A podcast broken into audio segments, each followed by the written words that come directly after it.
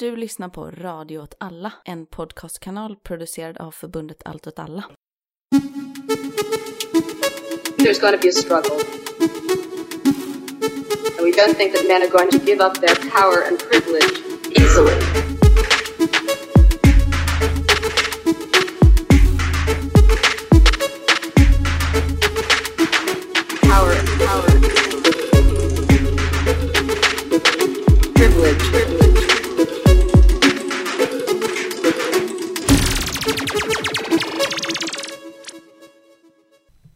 Välkomna till SKF, en podd om samtida feminism från Allt åt alla Göteborg. Med oss idag har vi Sofie och Ellen. Hej! Hej! Och dagens avsnitt heter då Samtal om kvinnor och flum. Eh, För att eh, en tendens som i alla fall jag märkt de senaste åren är att det har växt fram delvis ett ganska stort intresse för astrologi och new age i feministiska sammanhang. Det har blivit lite populärt att kalla sig själv häxa till exempel. Jag tänker på den här jättecringiga grejen We are the daughters of the witches you couldn't burn. Eh, Jag såg en mem om det som var så här Fort bränn henne så inte hennes barnbarns barn kan göra cringiga memer. Ja, och sen samtidigt så har det under ganska lång tid funnits ett stort motstånd mot kvinnosjukvården, vilket har lett till ett ökat intresse för alternativmedicin. Och jag tänker att båda de här grejerna hänger ihop eftersom eh, det överlag finns ett eh, man säga, större intresse för ovetenskapliga metoder överhuvudtaget och en större tilltro till det naturliga och kanske det andliga. Ja, är det här någonting som ni har tänkt på eller är det en konstig spaning? Alltså jag tycker definitivt att det är sant och eh, jag tycker också att det är Alltså det är någonting med att det har blivit, man, man börjar göra det lite på skämt typ. Man börjar med aromaterapi för att det är så, det är så himla gött typ att kanske lukta på en sån olja som luktar jättemycket apelsin eller lavendel. Och så känner man att man mår så himla bra när man gör det. Så tänker man, det här måste funka mot min depression och få mig att sova gott hela natten. Och då liksom kommer man in på det och så vet man någonstans att det inte funkar. Att det liksom, det letar sig mer in i det allmänna medvetandet på det sättet. Jo men jag tänker lite att det är som astrologi för att när vi var yngre så fanns det ju de här klassiska tjejtidningarna och då är ju astrologi ett givet inslag.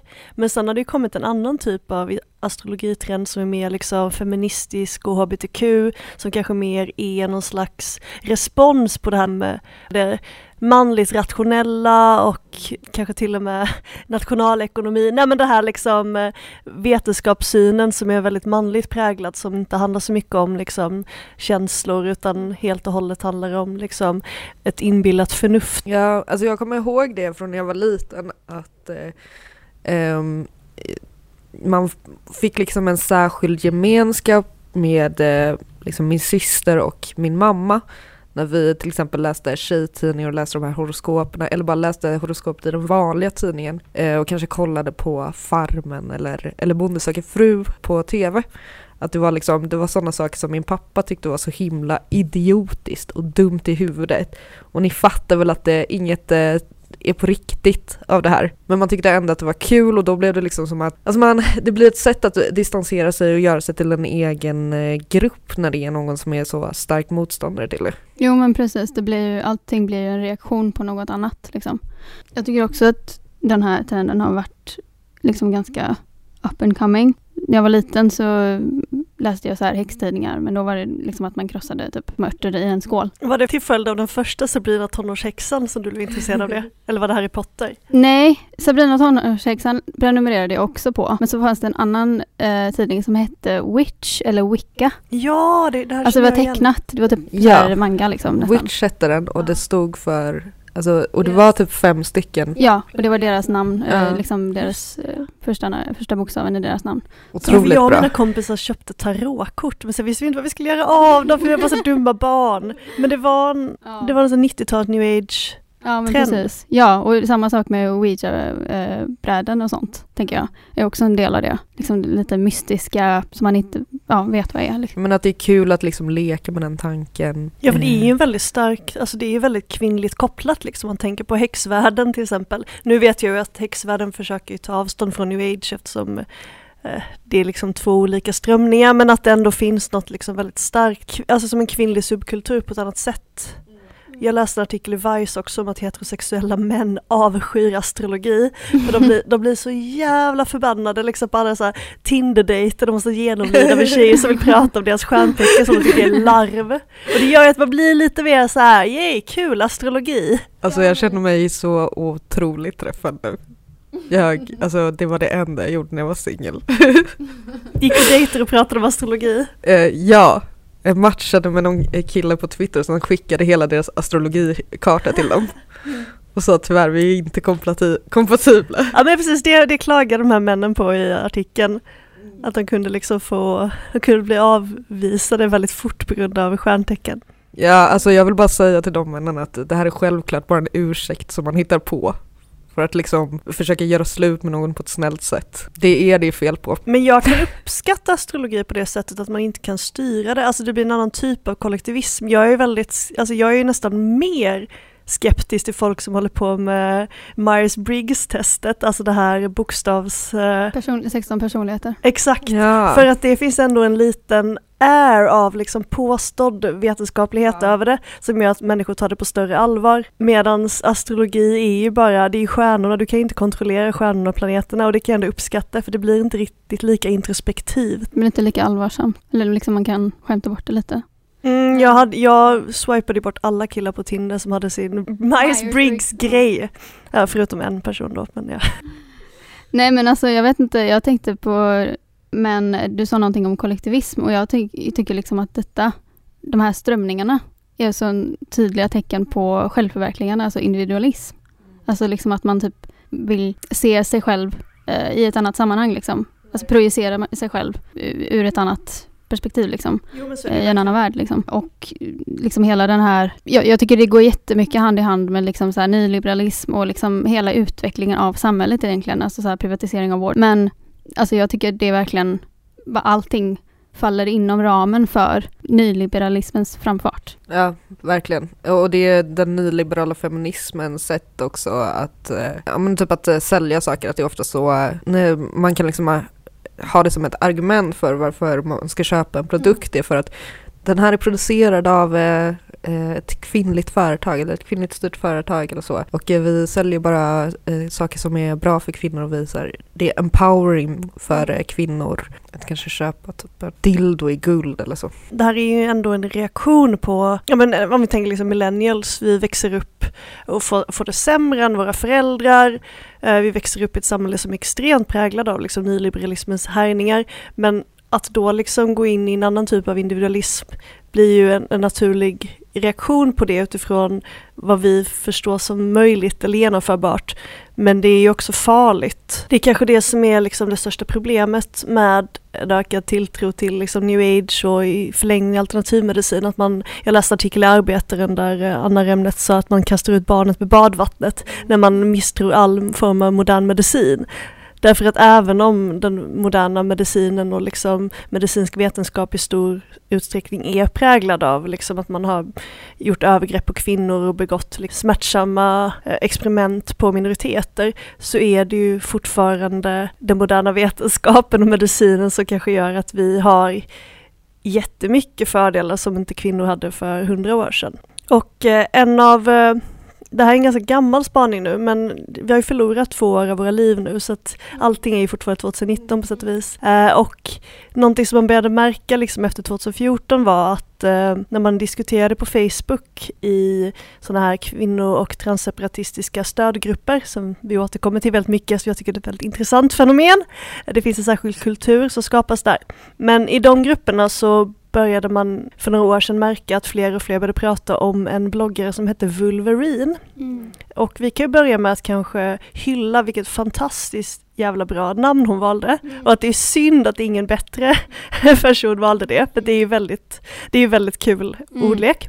Ja men oavsett, hon, hon claimade det och det var assmart. Ja, det är ett väldigt bra namn. Mm. Men hon började väl som en, liksom en influencer inom reproduktiv hälsa och hennes liksom stora grej i då att hon pratar väldigt mycket om menscykeln och fertilitet och problemet är ju att hon har överhuvudtaget ingen medicinsk utbildning utan hon har gått vid någonting som heter Justice College som är en utbildning i Kanada där man läser den här justismetoden som är en så här holistisk, liksom antroposofisk metod för fertilitet. Eh, och det innebär ju att hennes metoder är ju inte förankrade i vetenskap överhuvudtaget. Och därför så blir det ett stort problem när personer i alla sammanhang börjar referera till henne som en auktoritet.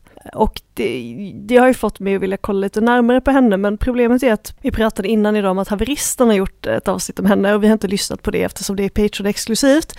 Och det här handlar kanske inte så mycket om att prata om varför hon är dålig, men det blir ju skadligt för kvinnor i stort när man börjar lägga för stor tilltro till en person som till exempel förordar att sluta dricka kaffe som lösning på ofrivillig barnlöshet. Hon eh, pratar också om, jag såg ett inlägg hon har gjort till exempel som handlade om kopplingen mellan att barnet utvecklar autism och kejsarsnitt. Alltså allting som inte är så att säga naturligt för henne ger upphov till till sjukdomar och skador i kvinnokroppen. Och då finns ju den här idén om att liksom en, en frisk kropp kommer ha en naturlig menscykel, den kommer inte ha smärtsamma menstruationer, den kommer inte ha skjut mig i huvudet, jag vill inte leva längre PMS, utan det är tecken på att man i sin livsstil gör någonting fel. Och det är ju det som är Alltså det är nästan liksom en religiös liksom arvssyn syn på... Det går ju igen alltså jättemycket i all typ av new age och självhjälp är liksom att man ska, man, du ska alltid förebygga problemen. När du väl har kommit dit, då är det nästan för sent. Och det gör ju liksom att du kan aldrig någonsin bevisa att det här faktiskt hjälper. Nej. För om en person, liksom, en person som aldrig dricker kaffe eller aldrig gör alla de här såna sakerna.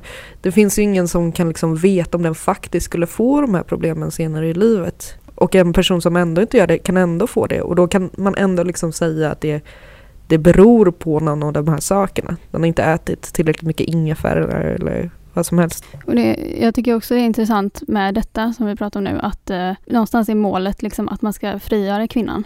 Men samtidigt så lägger man så jävla mycket skuld på att kvinnor ska göra på ett visst sätt. Och om de inte gör det, då får de sota för det. Liksom. Det är så mycket skuld fortfarande. Liksom.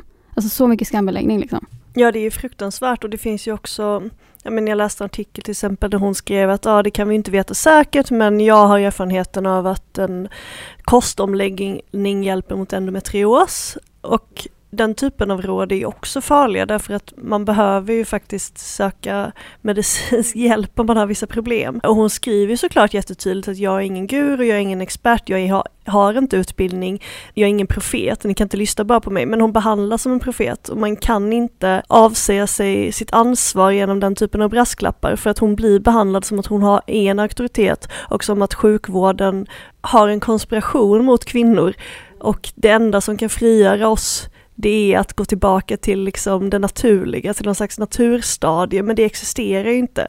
För det har inte funnits ett stadie där kvinnor varit liksom fria och där våra kroppar har varit i harmoni, utan våra kroppar har alltid varit ett föremål för, ja men för mäns härningar. Men jag tänker att det blir ett problem också med, med just till exempel endometrios, att det gör kanske att man, eh, alltså istället för att ställa kraven på sjukvården att den behandlingen ska bli bättre och att man ska få diagnosen snabbare så eh, ska man göra en eh, kostomläggning istället. Då ska alla hålla på med det istället och då kan man liksom då kan man hålla på och stå och stampa hur länge som helst eh, utan att få den utvecklingen som endometrios faktiskt förtjänar. Ja, vi behöver ju fler kvinnliga perspektiv i sjukvården.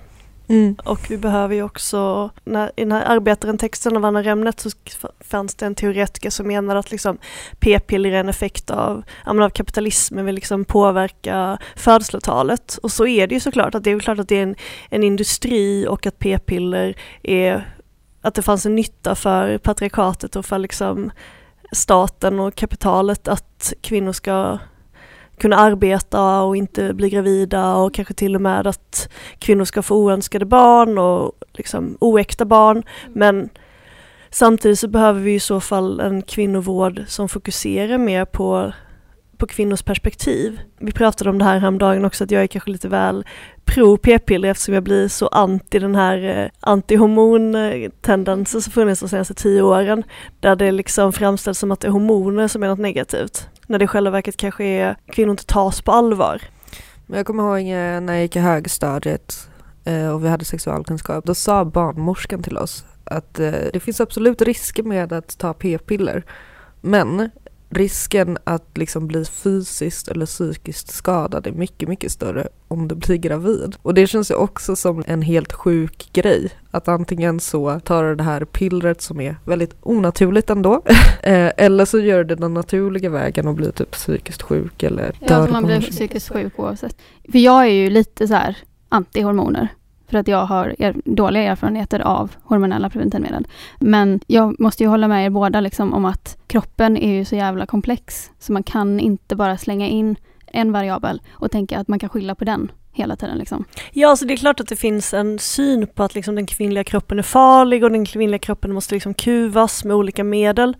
Men samtidigt så är ju den, alltså det kroppsliga är ju inte det som definierar oss heller. Simone de Beauvoir skriver ju till exempel i det andra könet att eh, kvinnan är den mest liksom alienerade honan i förhållande till sin reproduktiva funktion för att vi hela tiden motarbetas av vår kropp. Vi har smärtsamma menstruationer, vi eh, upplever liksom risk för jättestora skador både under graviditeten och förlossningen och sen så går vi igenom klimakteriet där vi liksom får eh, vallningar och hormoner hormonsvängningar och för att inte tala om PMS. Alltså under hela liksom, en kvinnas liv så skapar vår reproduktiva funktion ett liksom främlingskap gentemot vår egen kropp och jag kan ändå känna mig mer lockad över det här liksom icke-kroppsliga, icke-biologiska där vi snarare ska liksom skapa den ideala människan kanske med hjälp av vetenskap liksom. Mer eh, Donna Haraway än eh, Wolverine. Alltså att vi kanske mer ska bli cyborger än naturliga kvinnor. Verkligen.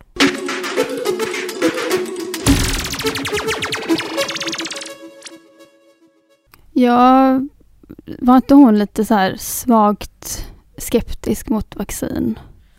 Jag vet för ett inte. tag sedan. Jag för mig att hon la upp någonting på någon story någonstans. Jag är inte alls säker på, på det. Eh, men alltså jag vet inte. Hon känns som en väldigt så medita- meditativ person. Men jag tänker att hon bakom kulisserna så tänker jag att hon är så här as, alltså rå, typ as-elak liksom mot alla sina anställda. Mm. Ja, Jag tänker att det är bara en fa- fasad liksom. Det här lugna, liksom änglalika nästan. eh, ja. Jag vet två saker som jag kan komma på sen hon blev sån här eh, självhjälpsguru. Det ena är den här kontroversen när hon sa att fattiga människor kan eh, äta nyttigt och sen så köpte hon jättemycket avokado typ bara. Eh, och sen att hon har varit väldigt stark förespråkare för att man ska typ ånga sin fitta. Jo men eh, Gwyneth Paltrow och hennes företag det startade hon under tiden som hon fortfarande var skådespelare genom att ha typ ett nyhetsbrev som man kunde prenumerera på. Där hon skrev bara olika sådana tips och sådana saker. Och eh, sen eh, så började hon känna sig mer och mer alienerad i sitt arbete. Eftersom hon har ett sådant arbete där, eftersom hon är skådespelare liksom, så går hon bara dit. Hon säger sina repliker som hon har övat in. Eh, och så finns det liksom en regissör som hela tiden visar henne exakt hur hon ska stå och var hon ska titta och allting sånt. Och den, den känslan är liksom allmän. Eller så har väl extremt många människor som går till sitt jobb. Skillnaden är ju bara att hon då kan, eftersom hon har så mycket pengar, kan så himla snabbt bara ändra det här till att göra ett livsstilsföretag. Och hon har också så här marketingerfarenhet. Alltså hon vet liksom jättemycket om marketing för att hon har hela tiden, hela sitt liv behövt liksom eh, eh, marknadsföra sig själv och sin personlighet. Så hon har sagt bland annat att hon var så här, fittan, den är så marketing-explosiv. Alltså om man bara nämner någonting om en fitta då, då tittar alla dit liksom. Och det är så hon har gjort sitt företag stort. Till exempel, Genom att nämna fittan. ja men att, typ, Nice. att bara prata om fittan och att det typ eh, är den viktigaste grejen och sånt och, och det får alla upprörda och det får alla att lyssna hela tiden. Så en av hennes första skandaler kopplat till det här eh, märket var att hon sålde de här jade-äggen. Det är ägg som är gjorda av jadestenar. Eller slipade till ägg då. Och så ska man lägga dem i fönstret när det är fullmåne så att de laddas.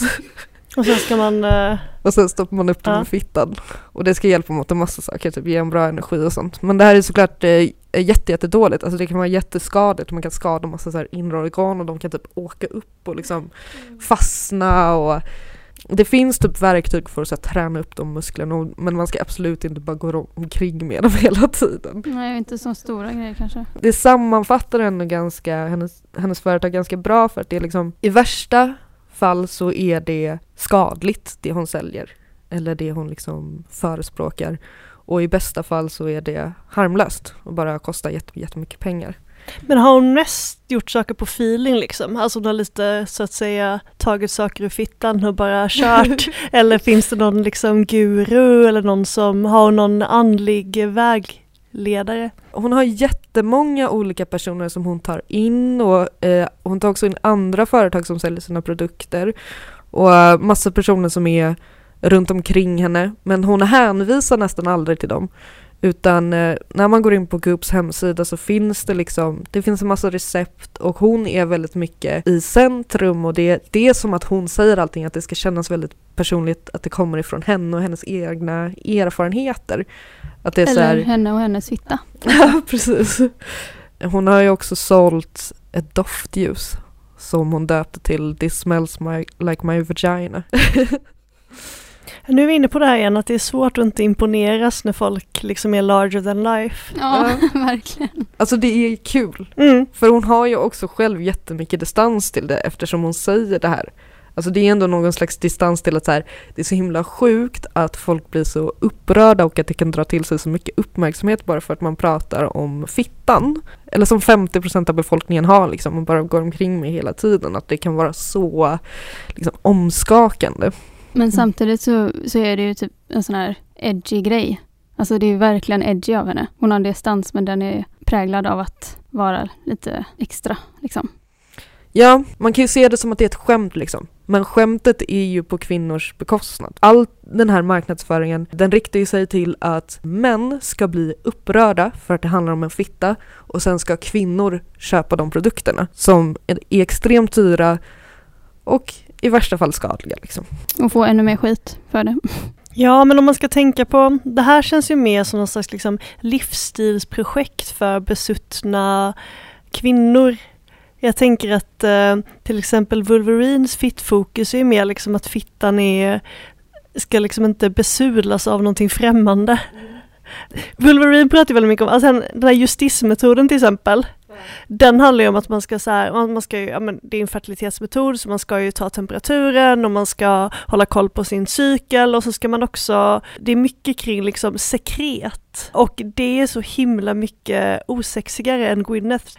Ja, alltså allting som är med, eh, som hon gör är ju mysigt eller sexigt eller trevligt och alltså estetiskt tilltalande. Alltså det är så här, eh, typ på TikTok nu så finns det en sån eh, slags meta, väldigt självmedveten eh, typ meme som heter That Girl. Och det är liksom den yngre generationens här fortsättning på det vi millennials har hållit på med. Om att så här, man ska vara den tjejen som typ går upp klockan fyra och gör yoga. Ah, den tjejen. Ja. och man eh, dricker kanske sex liter vatten om dagen. Ja, man, har bara vitt i hela sin lägenhet förutom en vägg som är grå. Det vet ju alla som dricker sex liter vatten per dygn och måste gå upp klockan fyra. det är liksom trängande behov som uppstår. Mm.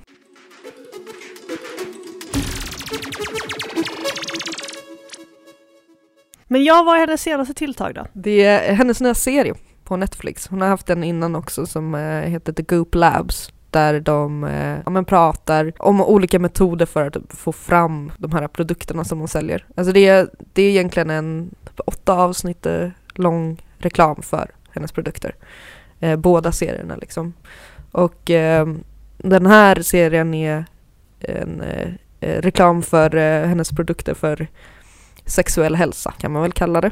Som såklart är jättedyra liksom. Eh, vi får träffa några par. Vi får träffa ett par som är så här ett vanligt heterosexuellt par. Två stycken sådana par. I, så här, i, i mitten av sina liv. Eh, båda har det här problemet att eh, deras män inte kan tillfredsställa dem. Sen eh, finns det ett äldre par och så finns det ett lesbiskt par också. Men jag är mest intresserad av par nummer två som dyker upp i serien. Där vi får träffa Rama och eh, Felicitas som har varit nära att skilja sig. Och hon berättar varför hon ville skilja sig. Det var hon som initierade det här hela. Hon ska vara en supermom typ. hon ska göra alltihopa hela tiden. Och så ser hon honom som en... Alltså hon ser på honom som ett barn. Så att innan när de eh, var liksom kära och, och romantiska och sånt så var allting bra men sen så får de barn och då slutar hon ha ett behov av att ta hand om honom för då har hon istället två barn att ta hand Ah, om. hon går från mansbebis till människobebis. Ja precis och då blir det plötsligt inte lika kul längre. the husband does become like the second or third or fourth child, for me, that's something I don't want. I'm giving so much of myself, of my body. I did not need any more neediness from anybody. But we're gonna stick together. Då så beskriver hon liksom hur hon känner sig utbränd av eh, familjelivet och, och alla hennes skyldigheter som hon har. Att hon måste ta hand om barnen, hon måste se till att de eh, kommer upp och är iväg till skolan och göra deras mat och allting sånt. Samtidigt då måste hon arbeta och samtidigt då så måste hon eh, tillfredsställa sin man sexuellt. Alltså att det är liksom bara en, en extra punkt på hennes att göra-lista för dagen. Och hur otroligt osexigt det är. Hur fan vad deprimerande. Verkligen. Men Och det då- finns ju den här eh, amerikanska grejen eh, där man pratar om liksom eh, sex work is work i termer av att det är ännu en tjänst eller man ska säga en, en, en chore som, eh, som kvinnor måste utföra i heterosexuellt äktenskap och att det då finns liksom sexarbetare som kan avlasta kvinnan Mm. är någonting som vi alla tjänar på. Ja, Det är väldigt. lite den synen på sex som återkommer här. Alltså det är så otroligt sorgligt verkligen. Och, och då kan man ju känna så här att eh, det måste ju då ligga på hennes mans arbete såklart. Det borde ligga på hans lista att se till att hon blir attraherad av honom. Eller att på något sätt avlasta henne. Ja, Alltså, förslagsvis sig- kanske göra lite, lite hemarbete han också. Ja, om det är så att hon känner sig så himla stressad hela tiden. Alltså det är väl inte så konstigt att man inte blir så himla kåt typ om man inte kan sluta tänka på att man måste diska liksom. Och det som sexolog så borde det ändå vara, alltså sexologen borde ta det här ansvaret och säga det till honom. Att fattar du inte att det är det här som är problemet? Ja, jag läste att en jättejobbig grej för parterapeuter är att det nästan aldrig är liksom att paret behöver terapi utan ofta är det bara att mannen behöver skärpa sig. och det gör att parterapi ofta är helt bortslösat. Liksom. Det är jättevanligt att man får göra en graf typ, där man får fylla i alla saker som man gör under en dag och så får båda göra det och så jämför man. Och så ska det liksom bli en visuell representation. Så här, det här, här kanske vi har problemet, men de fattar det inte. Men eh, den här sexologen gör såklart inte det. Det är absolut inte hans fel på något sätt. Felet är, ligger såklart hos henne. Att hon är för dominant. Att hon har en för dominant personlighet. Och det får ju honom att känna sig eh, avmaskulinerad. Så det de får göra det är att eh, de får ta varsitt namn. Hon får behålla sitt vanliga namn av någon anledning. Och han får ta ett kunganamn. Oj, oj, oj. Mm. Ett kunganamn. Japp. Han heter egentligen Rama. Och då är han döpt efter en så här en eh, kung. Och då, och då så tar han typ det fulla namnet. Och sen så ska då hon bete sig undergivet. Och han ska då sluta bete sig som ett litet barn. Åh, utan istället en, en vuxen människa. Gud. Men eh, han behöver ju bara göra det här under sex.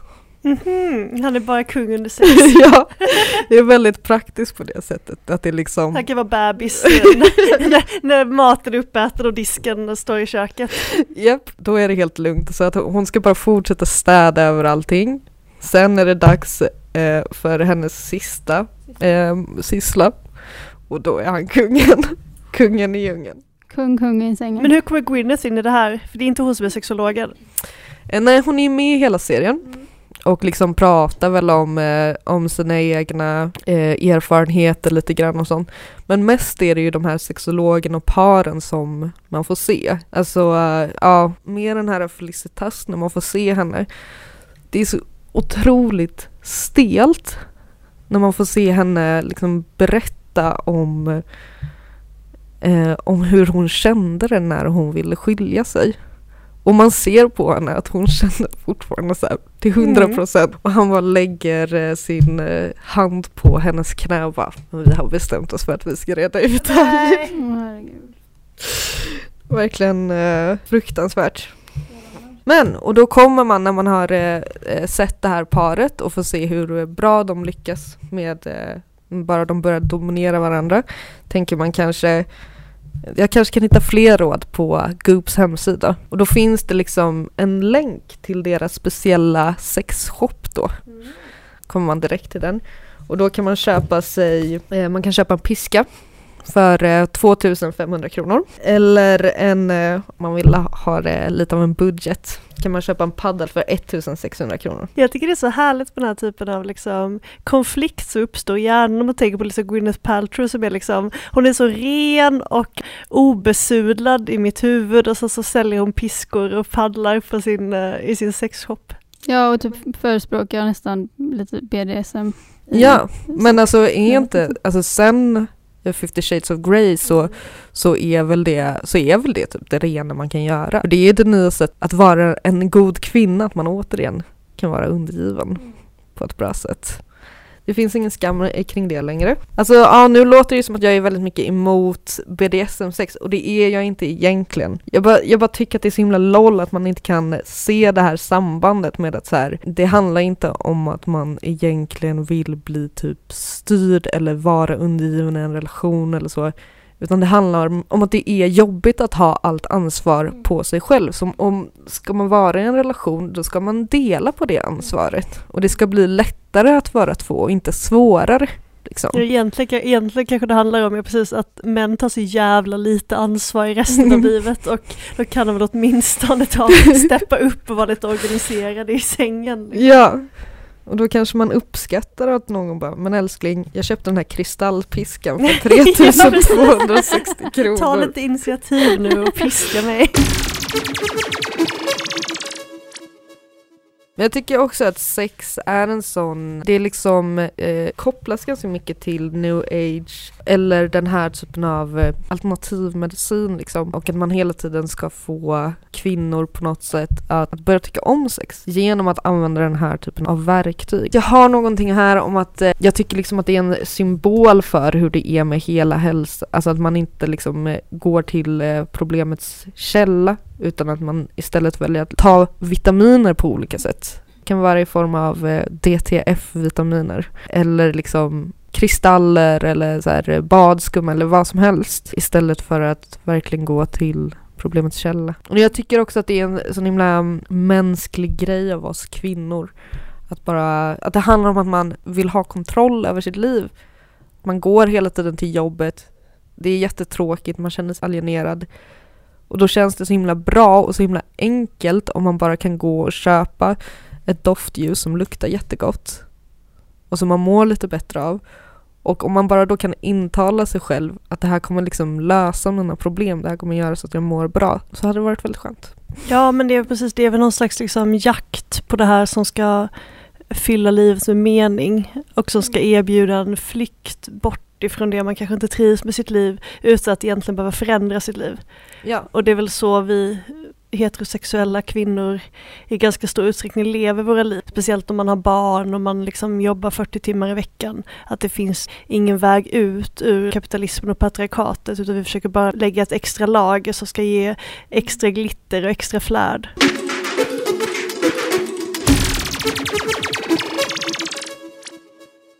Men ja, Wolverine fick ju lite uppmärksamhet i höstas när hon eh, blev avbokad som talare på en demonstration i Malmö för förlossningsvården. Och då det hade kommit fram att hon, föga förvånande, hade rört sig i transfoba sammanhang.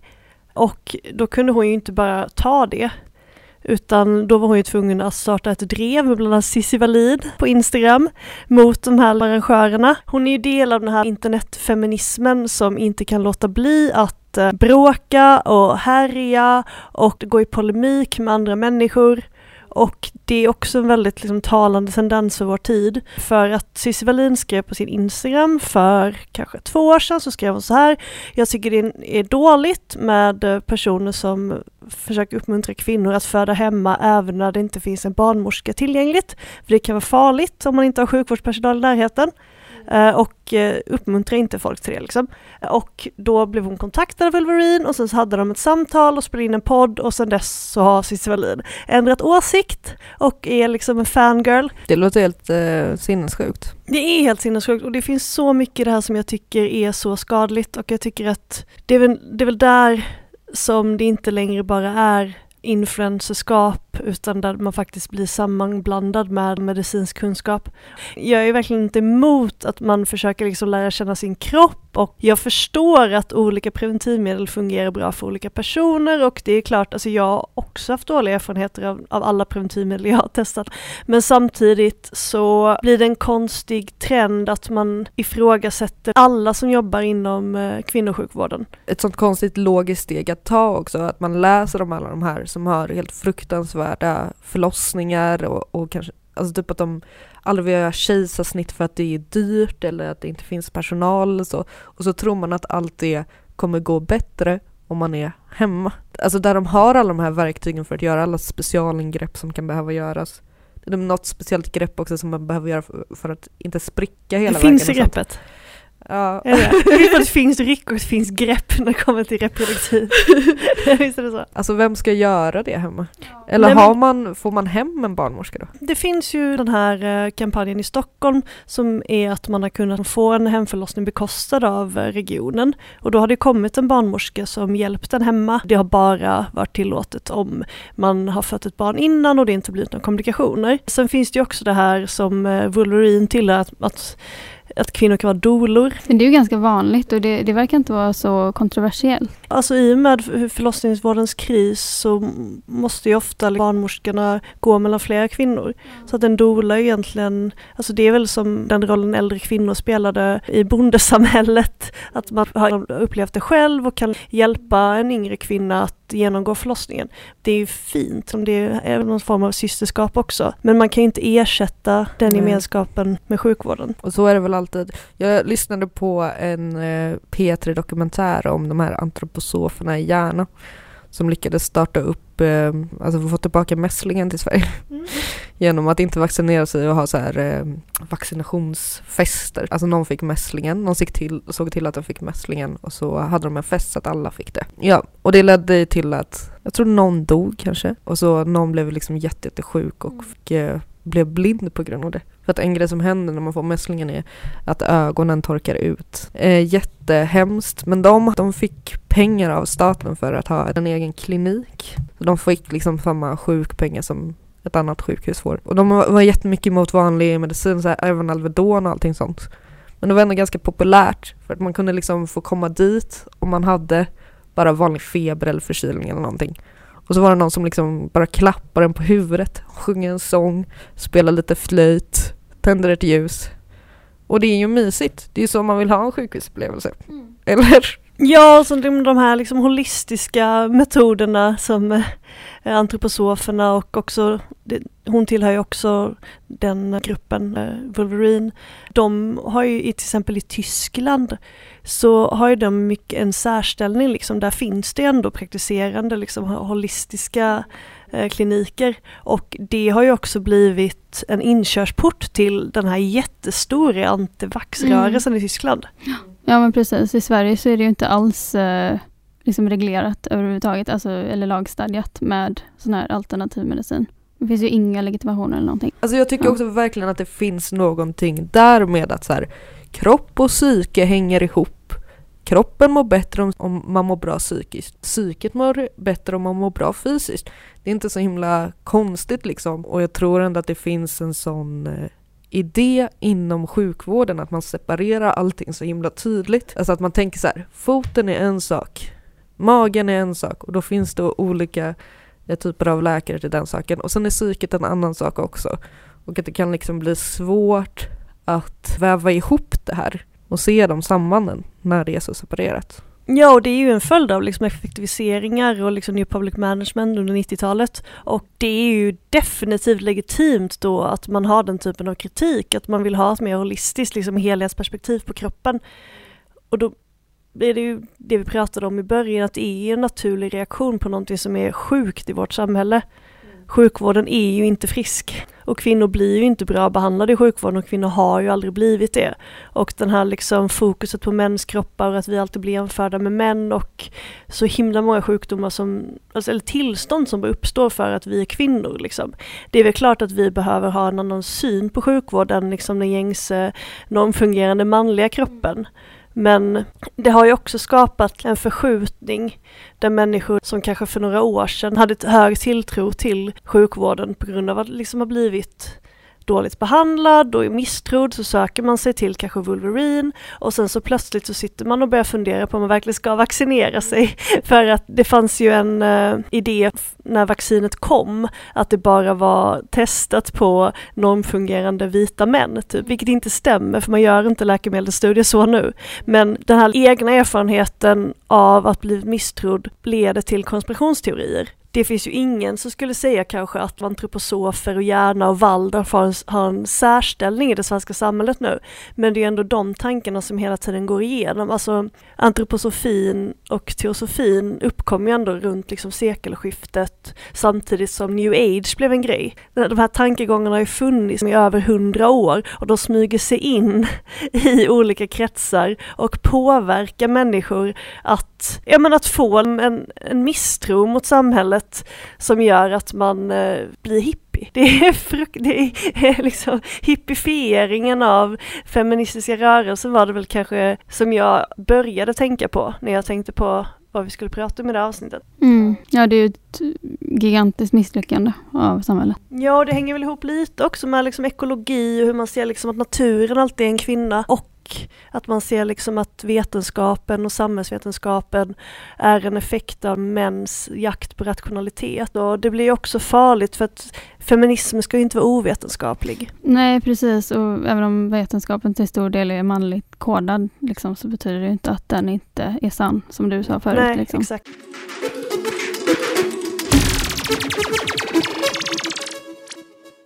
Men ja, vad, vad är ni för stjärntecken då? Jag är tvilling och nästan allt stämmer in på mig. Um, men det är bara för att jag har ADD och uh, liksom mina symptom speglas väl jättemycket i tvillingarnas karaktärer. Uh, alltså att du är lite ambivalent? Nej men att man är lite så här överallt, man är lite så här, man har mycket idéer och mycket, alltså man är på två ställen samtidigt typ. Så att jag, jag har ju ofta känt igen mig i det. Men sen så har jag liksom, det intresset har svalnat lite. Ja, jag är kräfta. Alltså alla som någonsin har läst en kolumn i en sån eh, tidning med eh, horoskop gissar eh, rätt på mig. Det är så otroligt uppenbart för alla. Jag, eh, ja, men jag är så känslig och, och blödig men samtidigt så här typ hård och tuff. Har ett hårt ni, skal. Ni, ni kan alltså båda identifiera med era stjärntecken? Verkligen. Ja, ovilligt nog. Mm. Alltså jag är ju vattuman. Och jag, jag är inte helt säker på vad det innebär men jag tror att i och med att vi lever nu i the age of Aquarius ju, som har pågått i typ tusen år, kommer pågå i tusen år till, som är så här förändringens tid, så försöker man ju ofta tillskriva vattumän att vi är lite, vi är lite fria. Eh, och det är ju inte jag, jag har ju snarare en auktoritär personlighetsstörning liksom. För att jag vill att allt ska vara inordnat i kategorier och sånt. Så du är inte like water? Nej, och så har jag också läst precis att vi vattentecken, vi är lite bättre på att simma och jag är ju såhär, jag drömmer ju mardrömmar om att drunkna för jag tycker det är så jobbigt att, att, att liksom simma. Så att jag kan ju verkligen inte identifiera mig med det. Däremot så tog jag och kollade mitt birth chart nu inför det här och jag är född då med eh, Merkurius i stenbockens tecken, tror jag det är. Mm. Jag skulle nog mer gissa på stenbocken. Ja, och då är man lite sådär eh, kritisk och skeptisk och anti till saker. Så det är därför jag inte kan tro på astrologi, för att jag är född i... Fast ja, jo men precis, för att alltså de där stjärn... Eller vad heter det? Birth charts är ju liksom, jag ser det som ett, liksom ett sätt att få med liksom de som även tvekar på sitt primära stjärntecken. Liksom bara, ja, men, ja, okej, så du känner inte igen dig i ditt primära stjärntecken. Men kolla då på den här eh, birth chart. Här, du kanske kan känna igen dig i några av de månaderna som din eh, födelsedag speglades i. Det är någonting så här, ett, en soltecken, det är så som andra uppfattar den kanske. Och det tror jag inte stämmer på dig. Eller jag har alltid trott att du var stenbock. Jag älskar att det kommer fram nu att vi ändå har ganska mycket kunskaper om astrologi. Men jag är då samma stjärntecken som Idi Amin tror jag. Idi Amin. Ja, alltså Ugandas förra diktator. Och det är det Ah. som är så roligt med stjärntecken, att det kommer ju alltid vara en drös som är samma stjärntecken som Hitler liksom. Och det finns ju alltid någon nazist. Men då kanske era egenskaper kommer ut på, vissa, på, på lite märkliga sätt? Eller så Ja, här. alltså Idi Amin var ju till exempel Last King of Scotland och jag gillar ju att klä mig så här. Jag köpte en kilt förra året till exempel. Mm, där har du. Så det, det kan ju vara någonting med det, friterad Snickers. Men vad tror ni i framtiden då? Tror ni att det kommer bli eh, en djupare klyfta mellan män och kvinnor när det kommer till andlighet? Och, eller kommer vi inordna oss i ledet igen? Jag tror att det kommer bli, eh, eller jag vet inte, jag tycker att jag ser att eh, även män håller på på den, på den här trenden, liksom typ NMR och eh, högern i allmänhet håller på att ansluta sig till liksom den här eh, alternativa medicin, eller liksom så här spirituella, eller? Ja, det är sant. Det är ganska intressant. Vi pratade om det lite innan vi började spela in det här med hur män har börjat eh, söka efter liksom en naturlig manlighet. Jag tror att det verkligen kommer gå i vågor. Men jag tycker mig också se en trend att det blir mer och mer så att man... Alltså kanske för att det är så mycket svårare att urskilja vad som är liksom fakta och inte. Så eftersom det finns så extremt mycket Eh, så tror jag ändå att det kommer öka med alternativmedicin. Eller att de snarare kommer liksom växa ihop. Alltså vår generation är väldigt bra på källkritik får man ändå säga. I och med att vi har växt upp med internet men ändå haft liksom med oss hela tiden hur, hur liksom man kan bli lurad på internet. Men när jag till exempel ska googla saker som har med hälsa att göra, om det inte finns en länk till 1177 så är jag helt clueless vad som är medicinskt och vad som är alternativmedicinskt. För de heter ju ofta samma sak.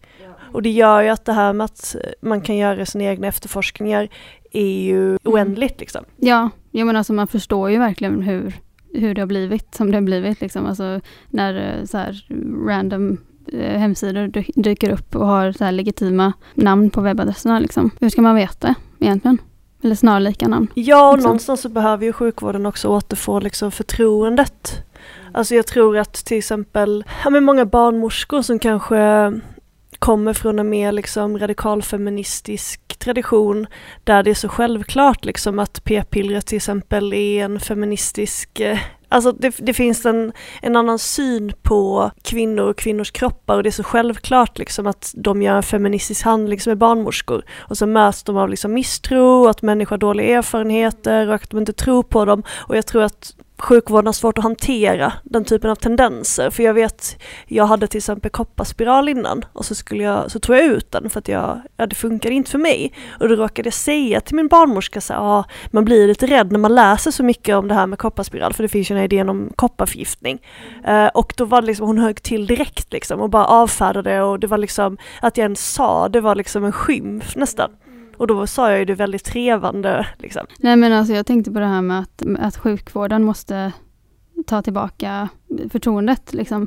Alltså det är ju det är ju så himla svårt för sjukvården att göra. Dels är det inte sjukvårdens roll att göra det. Och när vi liksom på löpande band typ säljer ut eh, kommunala och regionala liksom, och statliga eh, instanser, sjukvårdsinstanser, så blir det ju, så bådar ju det ännu mer för så här, eh, liksom instabilitet. Och i USA så tycker jag att de här strömningarna är mycket, mycket starkare.